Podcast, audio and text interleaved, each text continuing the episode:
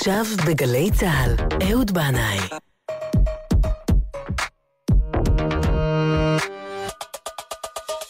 הבית של החיילים,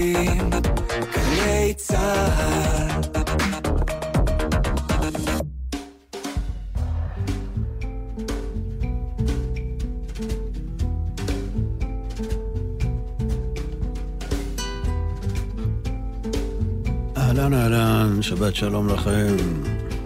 ברוכים הבאים אל זה המקום. ואל זה היום. ראש חודש אב. גם אפשר להגיד קצת אה, ראש חודש אוגוסט. אני לא יודע מה אמרו על אוגוסט, אבל אה, על אב חז"ל אמרו, מי שנכנס אב ממעטין בשמחה. כלומר, לא מוותרים על השמחה, אלא ממעטין, מורידים קצת ווליום. לא שומעים מוזיקה של טראנס, אבל אה, אופרה עצובה שבא לך לבכות, אולי מותר לשמוע, ויש כאלה שלא שומעים מוזיקה בכלל, יש מנהגי אבלות שונים. לשלושת השבועות האלה, ובעיקר לתשעת הימים האלה, מאחרי ראש חודש אב עד תשעה באב, שנקבעו לזכר חורבן שני בתי המקדש. אז לא אוכלים בשר, לא שותים יין, האשכנזים גם לא מסתפרים, לא מתגלחים ומכבסים, הספרדים נוהגים להימנע מזה רק מתחילת השבוע שחל בו תשעה באב, והשנה אין לנו שבוע כזה כי יום ראשון הוא תשעה באב. לפעמים נראה לי שמרוב דינים ומנהגים, שאני בוודאי לא מזלזל בהם, אני לא מופיע בשלושת השבועות שבין י"ז בתמוז לתשעה באב, אבל לפעמים אני מרגיש שמרוב הדינים והמנהגים האלה נשכחת המהות הפנימית והיסודית של העניין הזה. כל הדברים האלה באים להזכיר לנו למה הגיע עלינו החורבן. החורבן נגרם בעיקר בגלל שנאת חינם, בגלל קנאות דתית קיצונית. כך מלמדים אותנו חז"ל, שכמעט כל סיפורי החורבן שהם מביאים עוסקים בעניין הזה. ובגלל שיש משמעות חשובה ביותר לזמנים האלה, גם בזמן הזה שלנו, אז אנחנו אה, נתעסק קצת בזה המקום היום, ונביא איזה סיפור שנוגע בעניין הזה של קנאות דתית. ובינתיים, אנחנו עולים עם המדרגות ויוצאים לדרך. ואנחנו מקווים שזאת תהיה דרך של אמת. שבת שלום והאזנה טובה לכולכם. הולך בדרך אחת, בדרך של אמת. לשמור שבועה שנשבעתי לפני בואי לכאן. לא משכנוע עצמי, לא מדמיון, מרוח שהיא לא טהורה.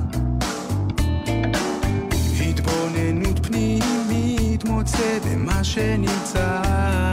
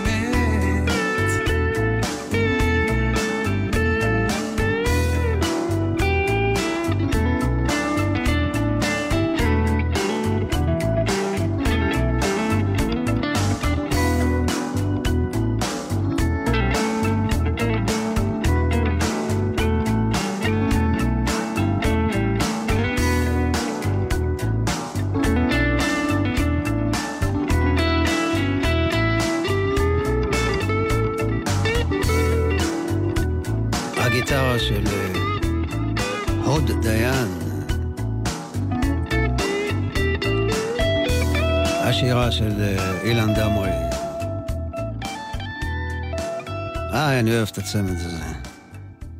המדרגות. הגמרא במסכת יומא מספרת לנו את המעשה הבא. תנו רבנן. מעשה בשני כהנים שהיו שניהם שווים ורצים ועולים בכבש. קדם אחד מהם לתוך ארבע אמות של חברו, נטל סכין ותקע לו בליבו. עמד רבי צדוק על מעלות האולם ואמר, אחינו בית ישראל, שמעו, הרי הוא אומר, כי יימצא חלל באדמה ויצ... ויצאו זקניך ושופטיך. אנו, על מי עלינו להביא עגלה ערופה?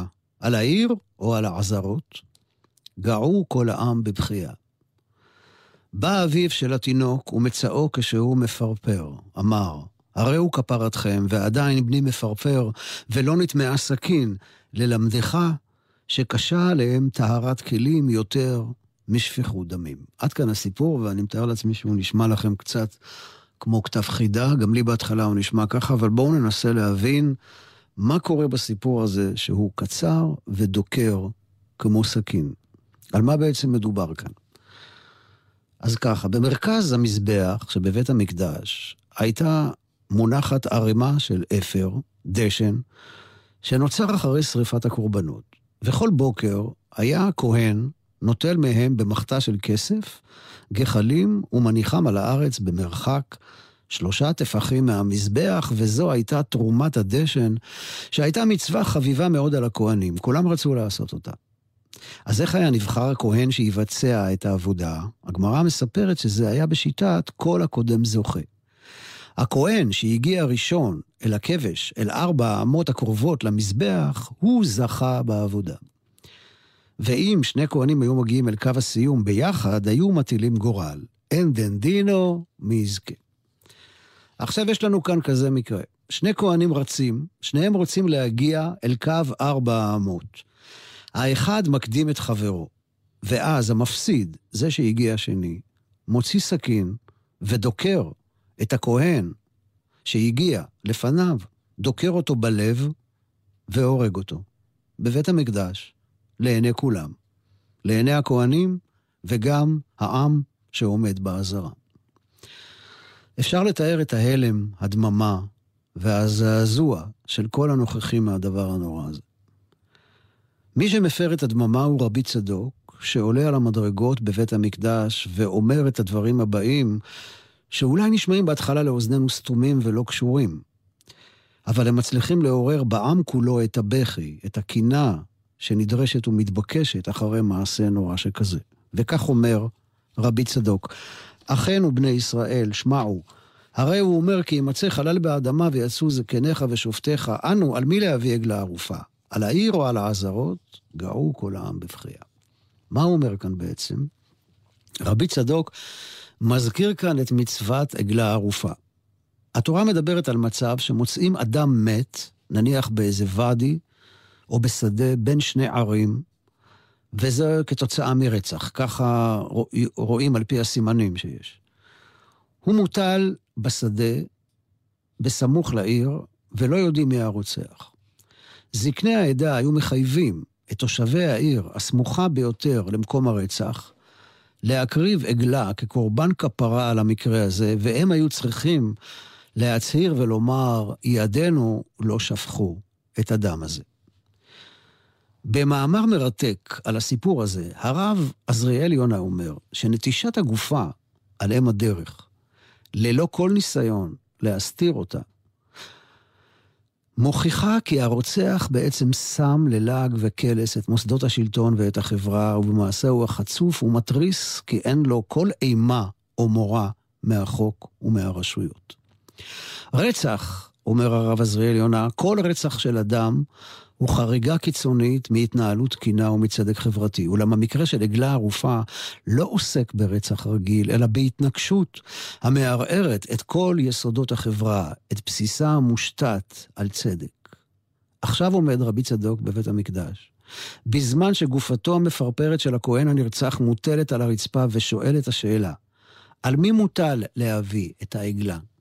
על הכהנים בעזרות, הסמוכים פיזית למקום הרצח, או, אנשי, או על אנשי ירושלים, שזו העיר הקרובה ביותר אל המקום שבו נרצח האדם הזה. אבל זה מוזר, זו שאלה מוזרה, כי אנחנו יודעים שמביאים עגלה רק בזמן שזהותו של הרוצח לא ידועה. וכאן, במקרה הזה, האיש רצח לעיני כל בבית המקדש, והוא עדיין עומד שם עם הסכין המדממת בידו. אז למה רבי צדוק אומר את הדברים האלה? מסביר הרב עזריאל יונה. הרצח הפומבי בראש המזבח, אל מול קהל של כהנים, ללא כל ניסיון של הסתרה, מוכיח כי בחברה בישראל חל ריקבון עמוק. שוב, אין כל חשש מפני רצח לאור יום, והערכים ההומניים של החברה התחלפו להם בערכים דתיים, דוגמטיים, חסרי נשמה יהודית, שקיבלו משנה עדיפות על פני ערכי האנוש הבסיסיים. כמו הזכות לגרוף את הדשן, שזו פעולה דתית, אל מול ערך חיי האדם. זאת אומרת, אומר לנו כאן הרב שאותו כהן, כדי שיהיה לו את הזכות לגרוף את הדשן, הוא מוכן להקריב חיי אדם. רבי צדוק יודע שמבלי שהוא, י... אם הוא לא יצליח לזעזע את העם, אז אין כל סיכוי לגאולה. לכן הוא בוחר להציג בפניהם שאלה אבסורדית, שתציב מראה מול פניהם, ואז הם יבינו כי הם מצויים בשפל חברתי. הוא מתעניין מי יביא את העגלה, הכוהנים או אנשי העיר, והשאלה שלו כמובן חסרת שחר. הלו, אנחנו מדברים כאן רק על מקרה שבו לא יודעים מי הרוצח, אבל כאן בבית המקדש כולם ראו מי רוצח. אז מה רוצה רבי צדוק? אומר הרב עזריאל יונה, רבי צדוק מבקש בשאלה הסרקסטית הזו להראות לקהל שומעיו את האבסורד שבהיצמדות לטקסט הלכתי, תחת שמירה על ערכים אנושיים בסיסיים. והוא שואל אותם לאור הטירוף הפונדמנטליסטי הזה שקרה פה עכשיו, מי צריך להביא את העגלה? ובמילים אחרות, הרצח לא באמת חשוב, גם לא העובדה שהיה זה לאור יום על רקע של תחרות דתית. מה שמטריד כעת הוא כיצד אנחנו מקיימים את הצד ההלכתי היבש על טקס עריפת עגלה כתקנו. זו שאלה באמת חסרת משמעות במקרה הזה. העם מבין את עומק כוונתו של רבי צדוק וגואה בבכי גדול. אבל רגע, עדיין לא סיימנו את המעשה הנורא הזה. מגיע אל הסצנה הזו האבא.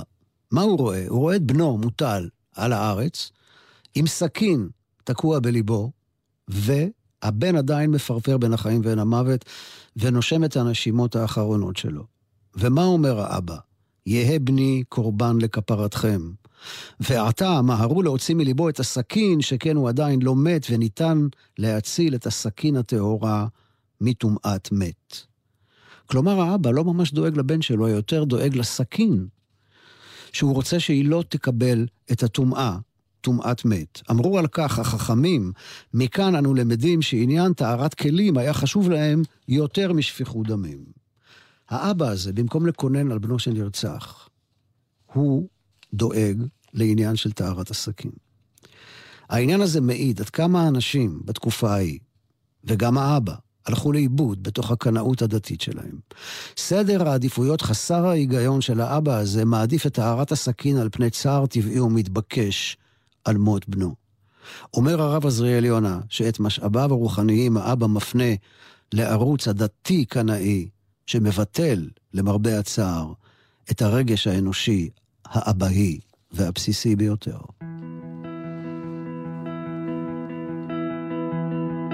אבא, אני רוצה לעמוד מולך, להאמין שאתה אבא טוב. אבא, אני צריך לדעת שאתה אוהב אותי, ככה סתם, אבא טוב.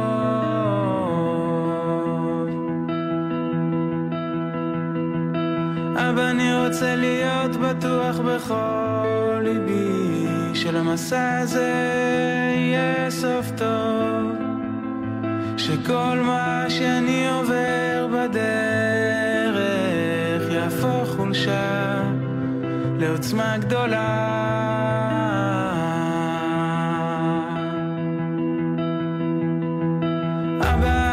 רוצה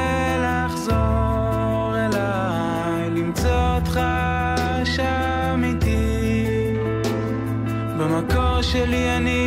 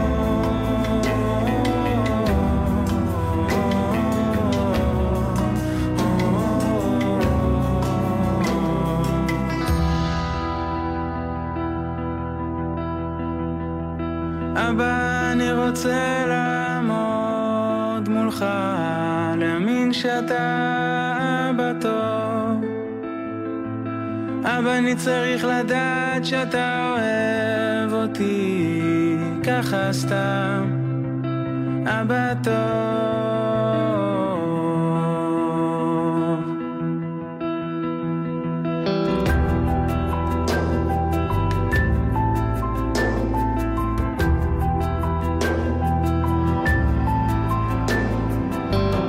אבא. ואנחנו בראש חודש אב.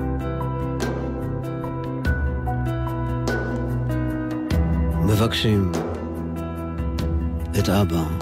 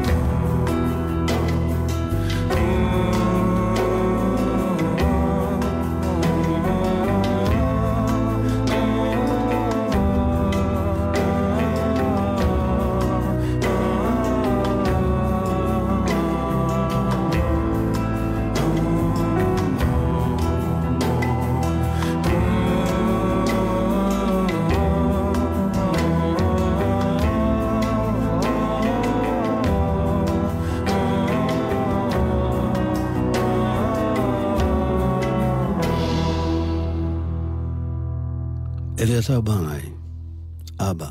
ואנחנו עדיין עם המעשה הנורא שהתרחש בבית המקדש. כהן דקר את חברו בלב תוך כדי תחרות מי יזכה בעבודת תרומת הדשן על המזבח. כאמור, אבא נרצח הגיע אל המקום ובמקום, הגיע אל המקום ובמקום לבכות מצער, הוא מתעניין לדעת אם אפשר עדיין להציל את הסכין שתקועה בחזה של בנו כדי שלא תקבל טומאה. אומר על כך, פרופסור ישעיהו ליבוביץ', ליבוביץ', זכר צדיק לברכה. בעניין הסיפור הנורא הזה, אנו למדים כי מושג הקדושה ונושא טהרת הכלים הועלו כאן לדרגת אלילות, שהרי כפי שאנחנו רואים, טהרת הסכין, כלי השחיטה, הפכה בעיני האנשים לחמורה יותר משפיכות דמים. מסקנת הגמרא היא ששפיכות דמים נעשתה זולה בעיני הדור ההוא. הם לא נתנו לה מספיק חשיבות, אבל טהרת הכלים הייתה חשובה בעיניהם הרבה יותר. חז"ל הביאו את הסיפור הזה כדי להזהיר אותנו לא להפוך כלים, מכשירים ואפילו את ארץ ישראל ואת בית המקדש לקדושים יותר מחיי אדם. ארץ ישראל ובית המקדש לא מטהרים שום טומאה, אלא ההפך הוא הנכון. שפיכות הדמים היא זו שמטמאת את המקדש ואת אדמת ארץ ישראל. טהרת האדם ולא טהרת הכלים היא התנאי להגשמת הייעוד הגדול של הפיכת הארץ הזאת לארץ הקודש של עם ישראל.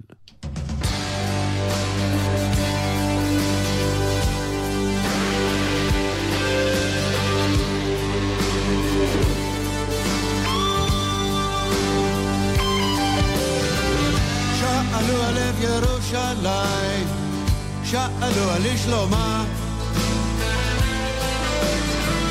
אבנים בלב ירושלים, כיכר השוק הומה. בשקרים ועוול מתעטפת לרגל מלאכת החומה. אך מבעד לצעיף נשכבת עירנו עירומה.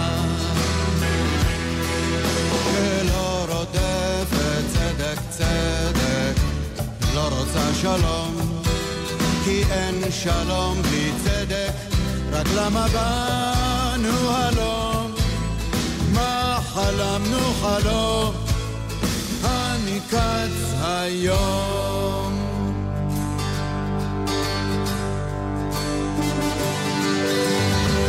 יום נגיש ובחדרי הסלע, מרדד הנץ מעל. מדרגה לבלע, נפער פי הנפתל. זה ארצות הים מאחורינו, אנחנו תשוקתם. זה הארצות שמסביבנו, אנחנו זמרתם. זו אותה השיירה בדרך הפונה לים, דולק בעקבותיה מלך מרוח בדם, מדבר חי גם, עלינו הם כולם.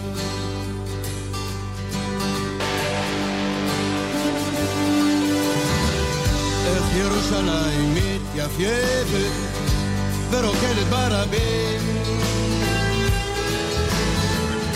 משתתפת בטח משתפשפת עוד יעל הדרים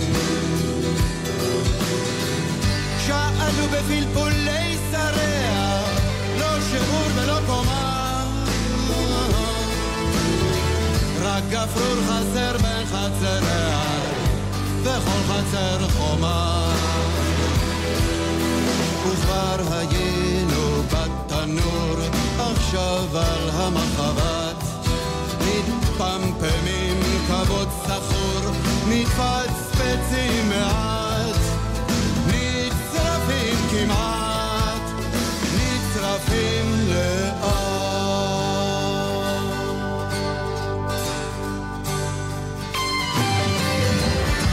מה לך כל כך נמרץ שלוח להתגרד על הסכין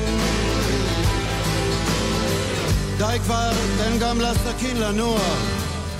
כן, רד מהסכין.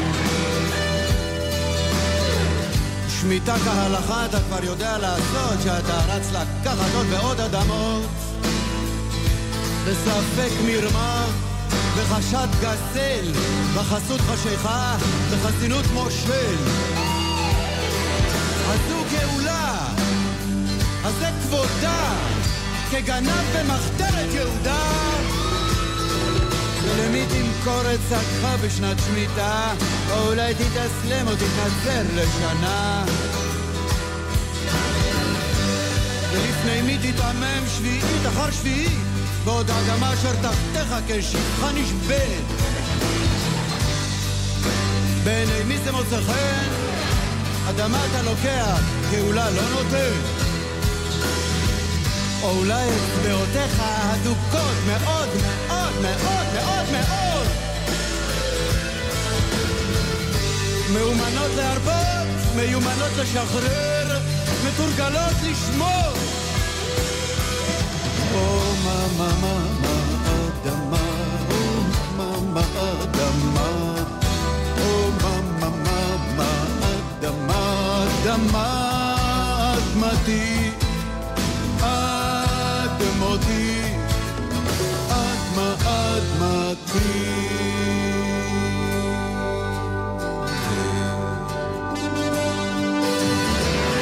אל תעוררו ואל תעירו, שנאה שלא תחפץ. רק תצא אותה כבר לא יחזירו, לא רב, לא שר, לא שץ. שעוד יתעורר עלינו כמקיץ מחלומות.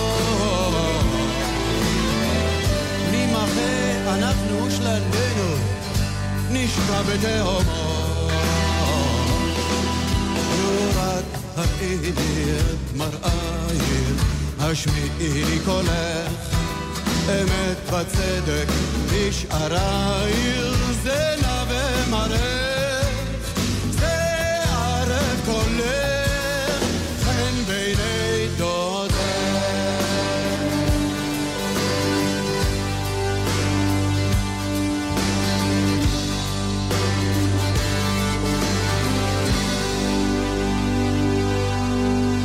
מדרש יונתי, מאיר אריאל, יום פטירתו יהיה בשבוע הקרוב, בה' באב, אה, גם זה יום פטירתו של הארי הקדוש. הרבה פעמים נשאלתי בעקבות השיר בלוס כנעני על הקשר שהיה לי איתו, עם מאיר, אז למען האמת לא יצא לי אף פעם לשבת איתו, למרות שמאוד רציתי. לא ישבנו על אותו דף גמרא ולא סביב שולחן השבת ולא העברנו זר קוצים ריחני.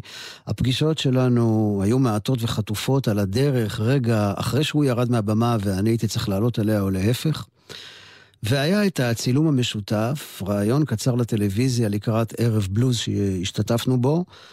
ואני אמרתי משהו על כך ששירי הבלוז האמריקאים נכתבים בדרך כלל על כבישים ארוכים, כמו כביש 66, ואילו כאן יש לנו את הכביש המתפתל בין עכו לצפת, שעה וחצי נסיעה, הוא פרדס חנה כרכור, חמש דקות נסיעה, והוספתי שמאיר אריאל, אמרתי את הדברים בזמן שהוא ישב על ידי, פותח בשיריו את המרחב הצר הזה אל ממד הזמן שנותן לו עומק ונפח גדול. מאיר הסתכל עליי וחייך בהסכמה, וזה היה בשבילי... רגע של נחת. ההערכה שלי אליו הייתה גדולה ולא הסתרתי את זה ממנו כשדיברנו גם קצת אחרי הצילומים. אה, היה ברור לי כבר אז שהוא כותב השירים הישראלי הגדול ביותר של זמננו. בשיריו של מאיר אריאל תמיד מציץ מאחורי הנוף הכנעני, אה, מצד אחד נוף קסום, מצד שני רווי במתח. אקליפטוס ענק, צל עלי בננה, השדה המוזהב. ילדה קטנה אהבתי בגליל, זירי קיץ נישאים ברוח, שלל שרב, פרחי בר, אבל יש גם אבנים בלב ירושלים. ובסוף כל משפט שאתם אומרים בעברית יושב ערבי עם נרגילה. אחרי שמאיר אריאל הלך לעולמו במפתיע, אני, בטרם עת, אני הרגשתי החמצה כואבת. ואז דמיינתי איך באופק אחר, בחיים עתידיים אחרים, אולי נשב על אותו דג, דף גמרא סביב שולחן השבת, עטורים בזר קוצים ריחני. ובינתיים החושך הולך וגובר כאן, וכך גם הקנאות הדתית-לאומנית הולכת וגוברת. וחסר לנו כל כך הקול של מאיר אריאל, שמילים כמו שלו, כמעט שאף אחד לא אומר כבר. וגם מילים כמו של פרופסור ישעיהו ליבוביץ', אף אחד לא אומר כבר. וגם הוא חסר לי מאוד בזמנים האלה, אז uh, אני רוצה להביא עוד משהו משלו, שהוא כותב בעניין פרשת השבוע שלנו, פרשת מסעי, שעוסקת בין השאר גם בעניין ערי מקלט.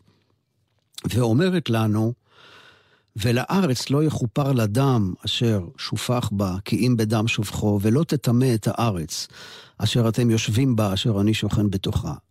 ועוד אומרת הפרשה, ולא תחניפו את הארץ אשר אתם בה, כי אדם הוא יחניף, כלומר, יטמא את הארץ. וליבוביץ' מביא את דבריו הנוקבים של הנביא יחזקאל, שמדבר על זה שבני ישראל מדברים הרבה על הזכות שלהם על ארץ ישראל, ואומרים שאברהם אבינו ירש את הארץ והעביר אותה להם בירושה. אבל ליבוביץ' אומר, הנביא יחזקאל שואל אותם, האם אתם חושבים שתירשו את הארץ גם כשאתם שופכים דם? האם אתם חושבים שתרשו את הארץ גם כשאתם עושים מעשי תועבה?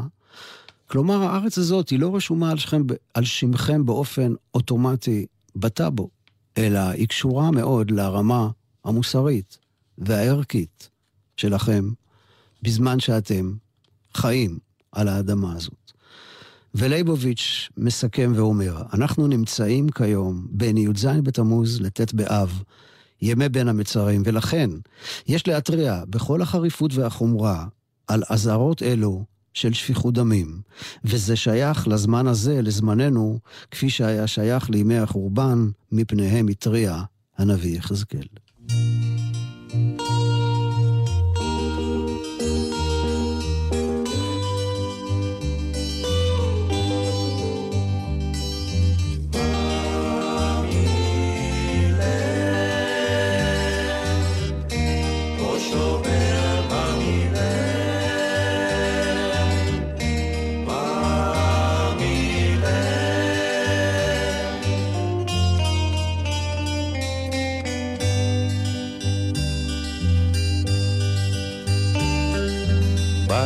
לך בניתי שם בחול, ארץ ישראל.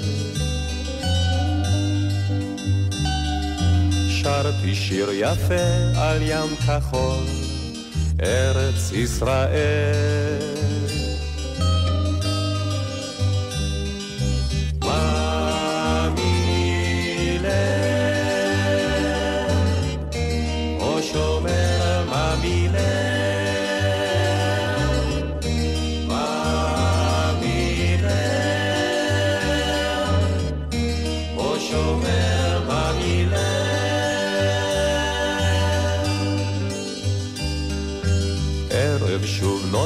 על הגולן, ארץ ישראל.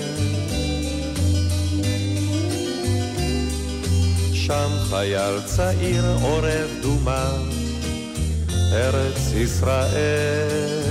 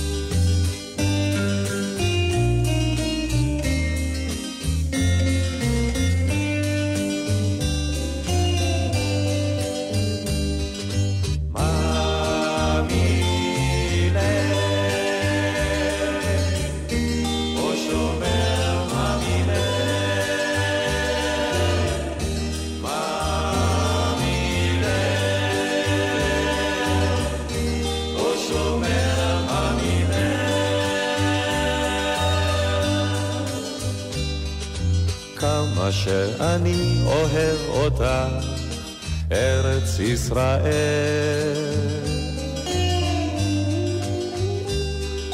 למה זה אני עצוב כל כך, ארץ ישראל?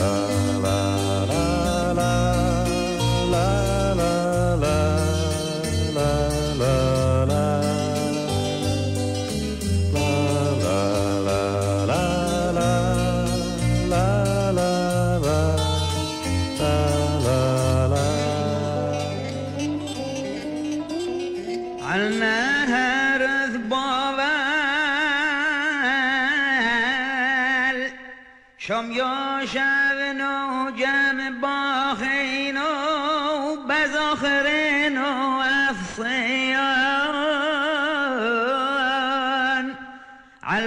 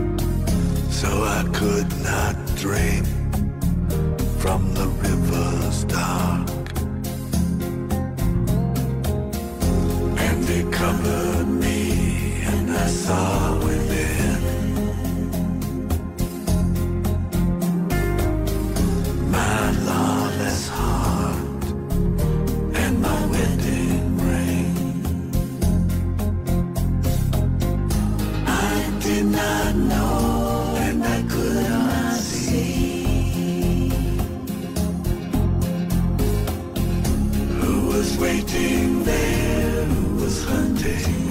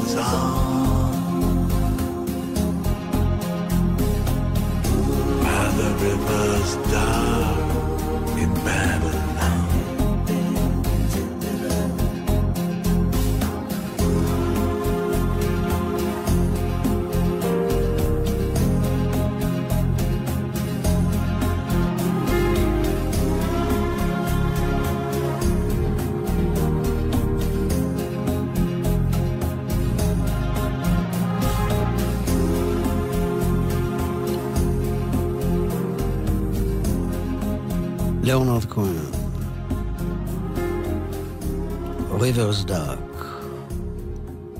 הנהר האפל של בבל. לפעמים עולה בדעתי שבית המקדש השלישי אה, ילך אל מעבר לממדי המרחב והזמן המוכרים לנו, והקדושה שלו תהיה קדושה של זמן, כמו של שבת וחג, ולא קדושה של מקום. הוא יהיה בנוי מאבני רוח ולא מאבני חומר, ולכן אי אפשר יהיה להחריב אותו והוא יעמוד לנצח. הנביא ישעיהו מדבר בחזון שלו על כך שלעתיד לבוא בית המקדש יהיה מקור של תבונה ומוסר לעולם חדש שבו האנרגיה המלחמתית ההורסת תהפך לאנרגיה בונה. בחוקי ההרמוניה של המוזיקה, הצליל השלישי הוא זה שבונה את האקורד, כמו שיעקב הוא האב השלישי, והוא האב של העם הישראלי, כמו שסוכות, חג האסיף, הוא הרגל השלישי והמסכם.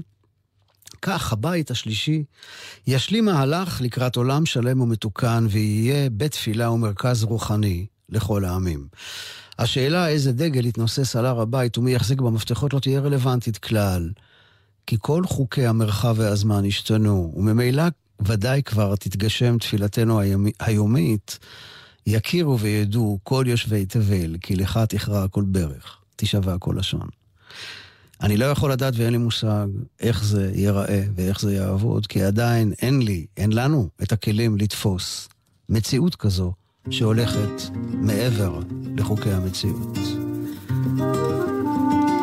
אבל אנחנו יכולים לחלום ולעוף אל מחוץ לזמן ולמרחב, אל זמן שהוא כולו שבת.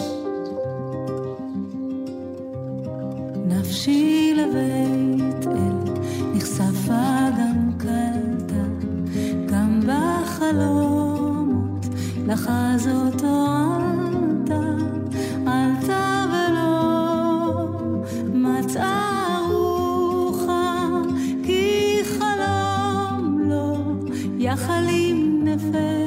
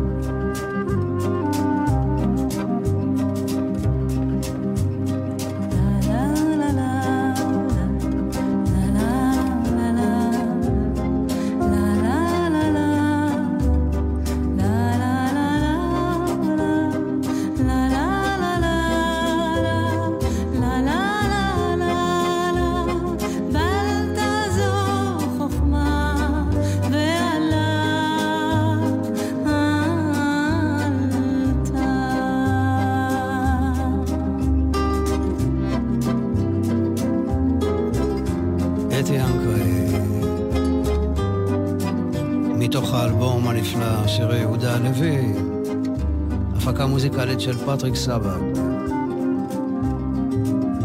נפשי לבית אל.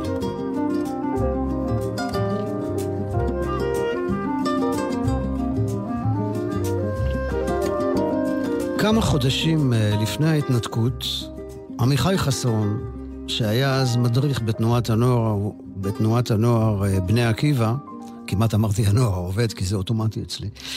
אה, בני עקיבא, כן. הוא ביקש ממני לבוא ולשוחח עם החניכים והחניכות שלו. הוא אמר שהם נסערים מאוד לקראת ההתנתקות, הוא חושש ממעשים קיצוניים, ולכן יודה לי אם אבוא לדבר על ליבם, בגלל שהם ככה מרגישים קרובים אל המוזיקה שלי.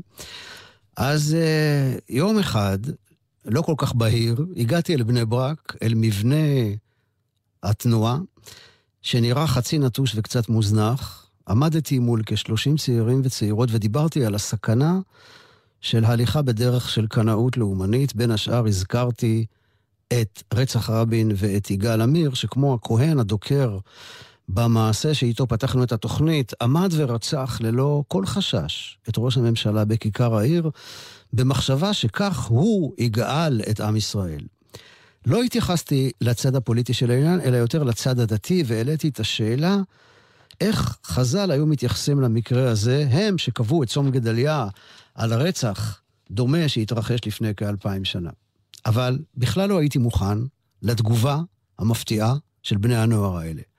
הם ממש התנפלו עליי באופן חריף וחד משמעי, שאני לא יודע על מה אני מדבר, כי יגאל עמיר לא רצח את ראש הממשלה. אלא כולם יודעים, כנראה חוץ ממני, האהבל התמים, שזה היה השב"כ שרצח את רבין. הייתי עמום.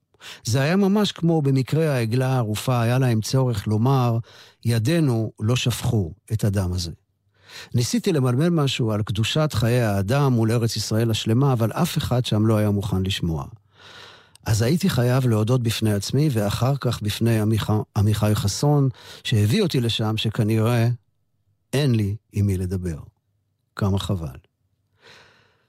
אז בשביל להירגע, אני רוצה לקרוא לכם שיר של עמיחי חסון, מתוך הספר שלו, בלי מה. והשיר הזה נקרא "והוא זיכרון שהיה".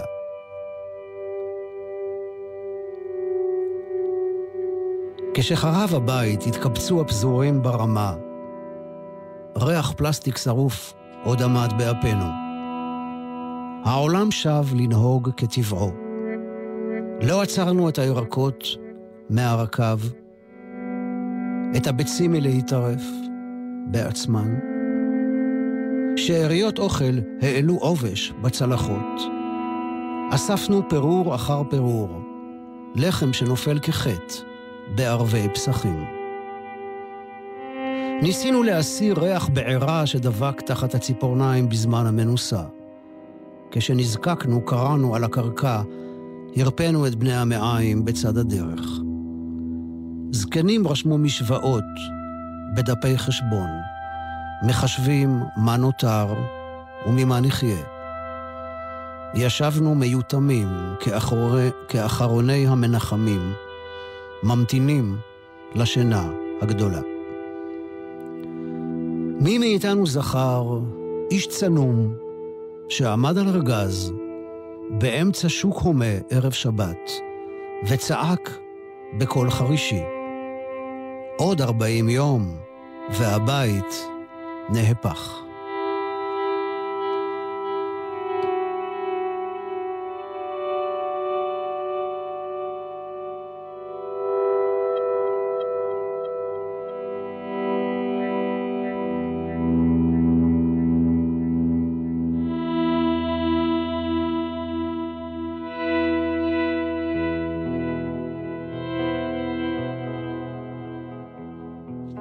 ואנחנו עם שיר נוסף של אליעז כהן. ומשייכנס אב, נרעיד לקראתו, נרקוד לפניו, אב, אבי, אבינו. ובתשעה בו ייוולד כוכב, ייוולד כוכב, ויוליד מקשתו אורו של משיח. ובחמישה עשר בו, בדרכי הכרמים, תשוב אהבה חטופה, וצללים יצבעו בלילך וזהב. אז תונח רטייה על כל המוכאב והמועצב, וארי, מזל מלכותי מנומנם, עם, גד, עם גדי, ירבץ וישאג, באב התשעג, באב התשעג. תרשה לי להוסיף, אליעז כהן, ארי מזל מלכותי מנומנם, עם גדי יקום וישרץ, באב התשעץ, באב התשעץ.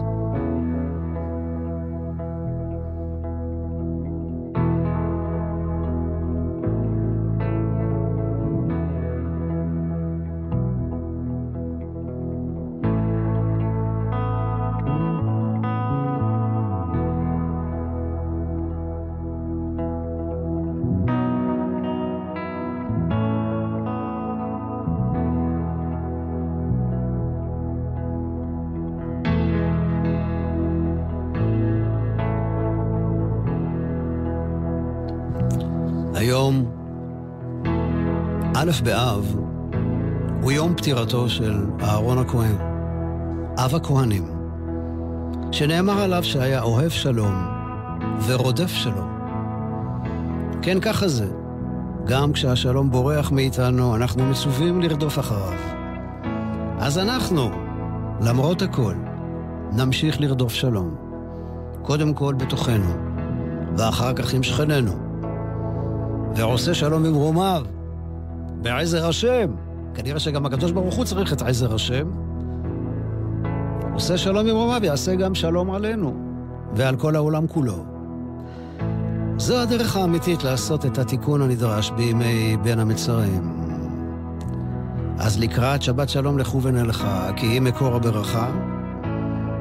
פרשת מסעי, ואני עכשיו נוסע מתל אביב-יפו לחנות ברמת גן גבעתיימה. תודה רבה לנוגה סמדר על ניהול ההפקה. תודה רבה לטכנאי הנחמד, ששמו נחום? נחום. עומר, עומר נחום. אהלן, עומר. שבת שלום ומבורך לכולכם באשר אתם שם. סעו לשלום. כל טוב. סלמת.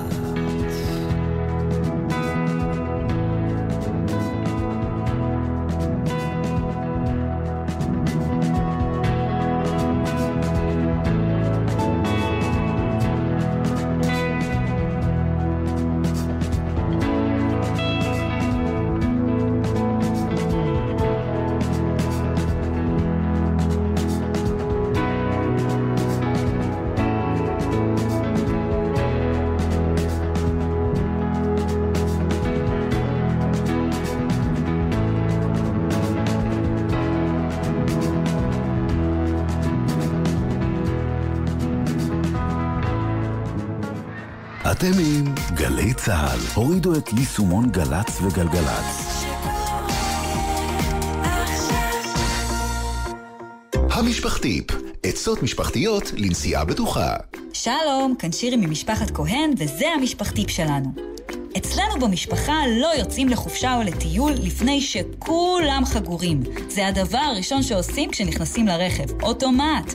גם כשמדובר בנסיעה קצרה, בעלי ואני מוודאים שכל הילדים חגורים בחגורות ובמושבי הבטיחות. ואת תמרי הקטנה שלנו? כבר חוגרת את הדובי שלה בעצמה. שתהיה גם לכם נסיעה בטוחה. נלחמים על החיים עם הרלב"ד.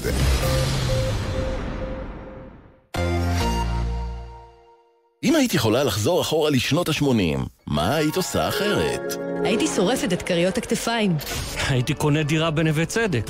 הייתי מצביעה מחדש למצעד העשור של גלגלצ.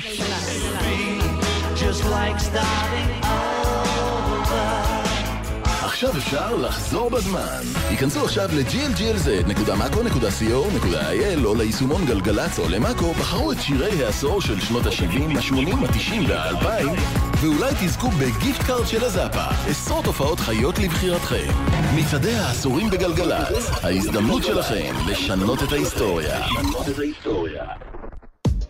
מיד אחרי החדשות, דני רובס.